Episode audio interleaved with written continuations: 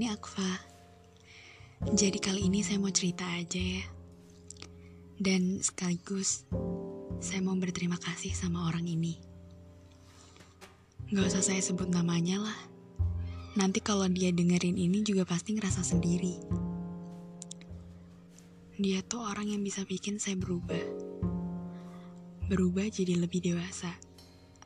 Karena jujur sama orang ini doang, emosi yang saya rasain di diri saya tuh bisa naik turun di waktu yang hanya berseling beberapa detik aja. Jarang banget lah pokoknya emosi saya bisa stabil sama dia.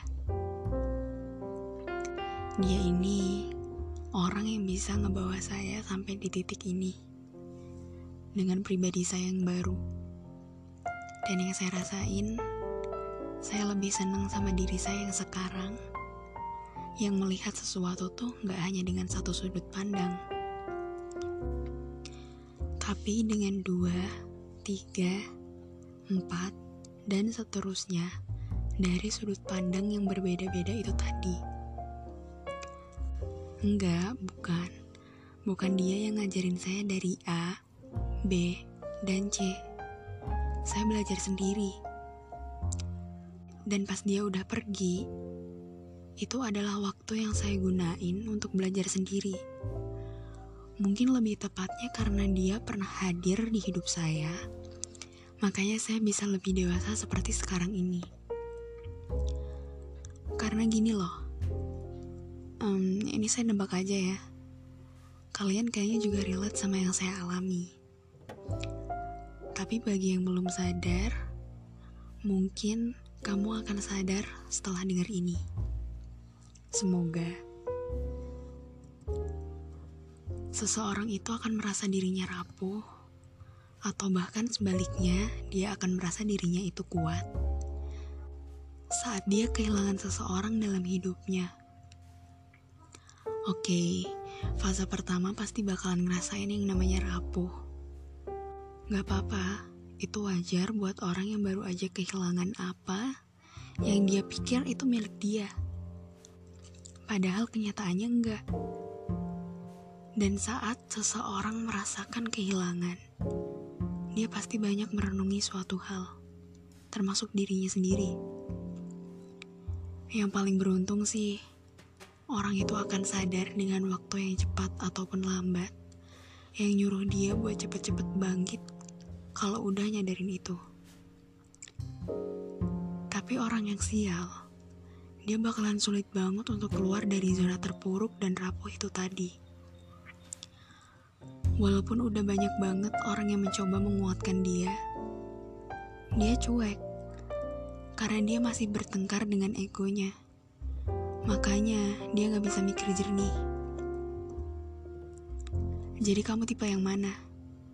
Tipe orang yang beruntung atau tipe orang yang sial? Dan kalau kamu adalah tipe orang yang sial, seharusnya setelah dengar podcast ini, kamu bisa sadar. Kamu bisa berpikir jernih setelah ini. Kamu udah berdamai dengan ego kamu sendiri. Dan lagi-lagi saya bilang, dan semoga saja itu benar terjadi sama kamu. Balik lagi ya ke sosok yang udah bisa bikin saya berubah sampai titik ini. Sebenarnya udah dari beberapa tahun yang lalu, saya emang udah suka nulis. Cuma ya gak rajin aja. Terus saya tiba-tiba ada di masa saya ini rajin banget buat nulis. Dan tiba-tibanya lagi, orang yang saya maksud tadi, dia datang di kehidupan saya. BTW dia tuh orang yang saya ceritain di podcast episode kedua. Pas ketemu sama nih orang, saya jadi malas banget buat nulis. Mood saya bener-bener hilang. Karena mungkin kehidupan saya itu udah berotasi sama dia. Dia udah ngubah banyak banget yang ada di hidup saya. Saya lebih semangat buat ngelakuin apa-apa, kecuali nulis. Terus, saya jadi sering senyum-senyum gak jelas. Sampai akhirnya, kita kembali di kehidupan masing-masing. Dia dengan kehidupannya, dan saya dengan kehidupan saya ini. Saya balik lagi di kegiatan tulis menulis. Mungkin bisa dibilang juga episode ini saya nyeritain gimana awal mula apa itu lahir. Iya, awalnya cuma sajak-sajak yang saya tulis asal dan saya posting ke akun Instagram. Terus akhirnya saya nulis cerpen. Berkali-kali gagal. Alasannya karena cerita yang saya buat itu nggak masuk di otak saya. Anehnya sih. Dan karena saya sadar sumber inspirasi saya nulis itu udah jadi abu-abu. Iya, orang itu yang jadi inspirasi saya nulis. Tapi sekarang enggak. Saya udah pindah rumah. Rumah saya bukan dia lagi. Semua ini mengalir aja kayak air sungai yang kadang berarus deras atau berarus tenang. Saya cuma bisa nulis apa yang saya rasain. Karena jujur aja, menulis adalah cara saya buat melampiaskan apa yang lagi saya rasain. Yang saya takutin, saya nggak bisa mengekspresikan diri saya, perasaan saya, ke dalam tulisan lagi yang dikarenakan saya ingin membuat pembacanya merasa bahagia. Padahal saya belum bisa menemukan kebahagiaan untuk diri saya sendiri. Makanya saya mengubah doa yang tadinya saya meminta untuk bisa membahagiakan banyak orang. Jadi saya ganti dengan bahagiakan diri saya. Setelah itu, baru saya akan menebarkan kebahagiaan itu ke orang banyak.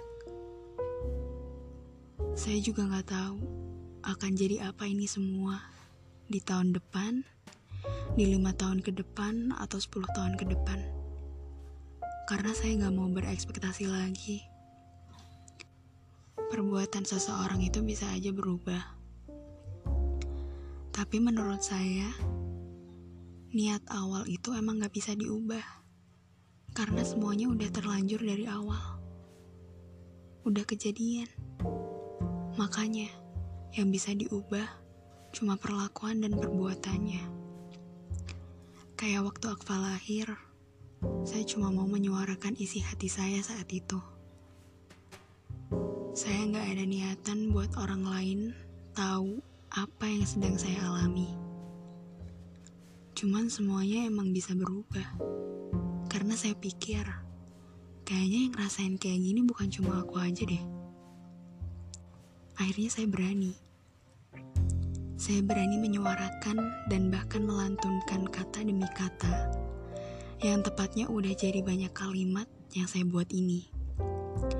Tujuan baru saya saat itu supaya orang yang ngerasain apa yang saya rasain, mereka nggak merasa bahwa mereka itu sendirian atau kesepian.